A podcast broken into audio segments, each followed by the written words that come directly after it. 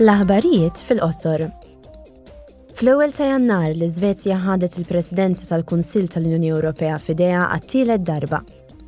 L-erba' prioritajiet tagħha huma s-sigurtà u l-unità, ir-reżiljenza u l-kompetittività, il-prosperità u t-tranżizzjoni tal-enerġija, il-valuri demokratiċi u l-istat ta' dritt. Il-Presidenza Żvediża hija l-aħħar mit-trio attwali tal-Presidenzi wara Franza u r-Repubblika Ċeka.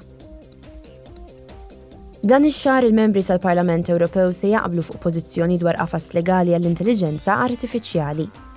L-għan huwa li jintroduċu bażi regolatorja komuni u bażi legali għall-intelliġenza artifiċjali skont il-valuri tal-Unjoni Ewropea. L-enfasi hija fuq applikazzjonijiet speċifiċi u riski possibbli. Kmieni din is-sena l-Parlament se jistabilixxi l-pożizzjoni tiegħu dwar regoli ġodda li jiżguraw kundizzjonijiet ta' xogħol aħjar għan-nies li jaħdmu permezz ta' pjattaformi tax-xogħol diġitali, l-hekk imsejħa ekonomija tal-gigs fl-Unjoni Ewropea. Il-proposta tinkludi li jiġi żgurat status ta' impjieg legali li tiġi promossa u mtejba trasparenza kif ukoll l-ekwità u r-responsabilità tax-xogħol fuq il-pjattaformi.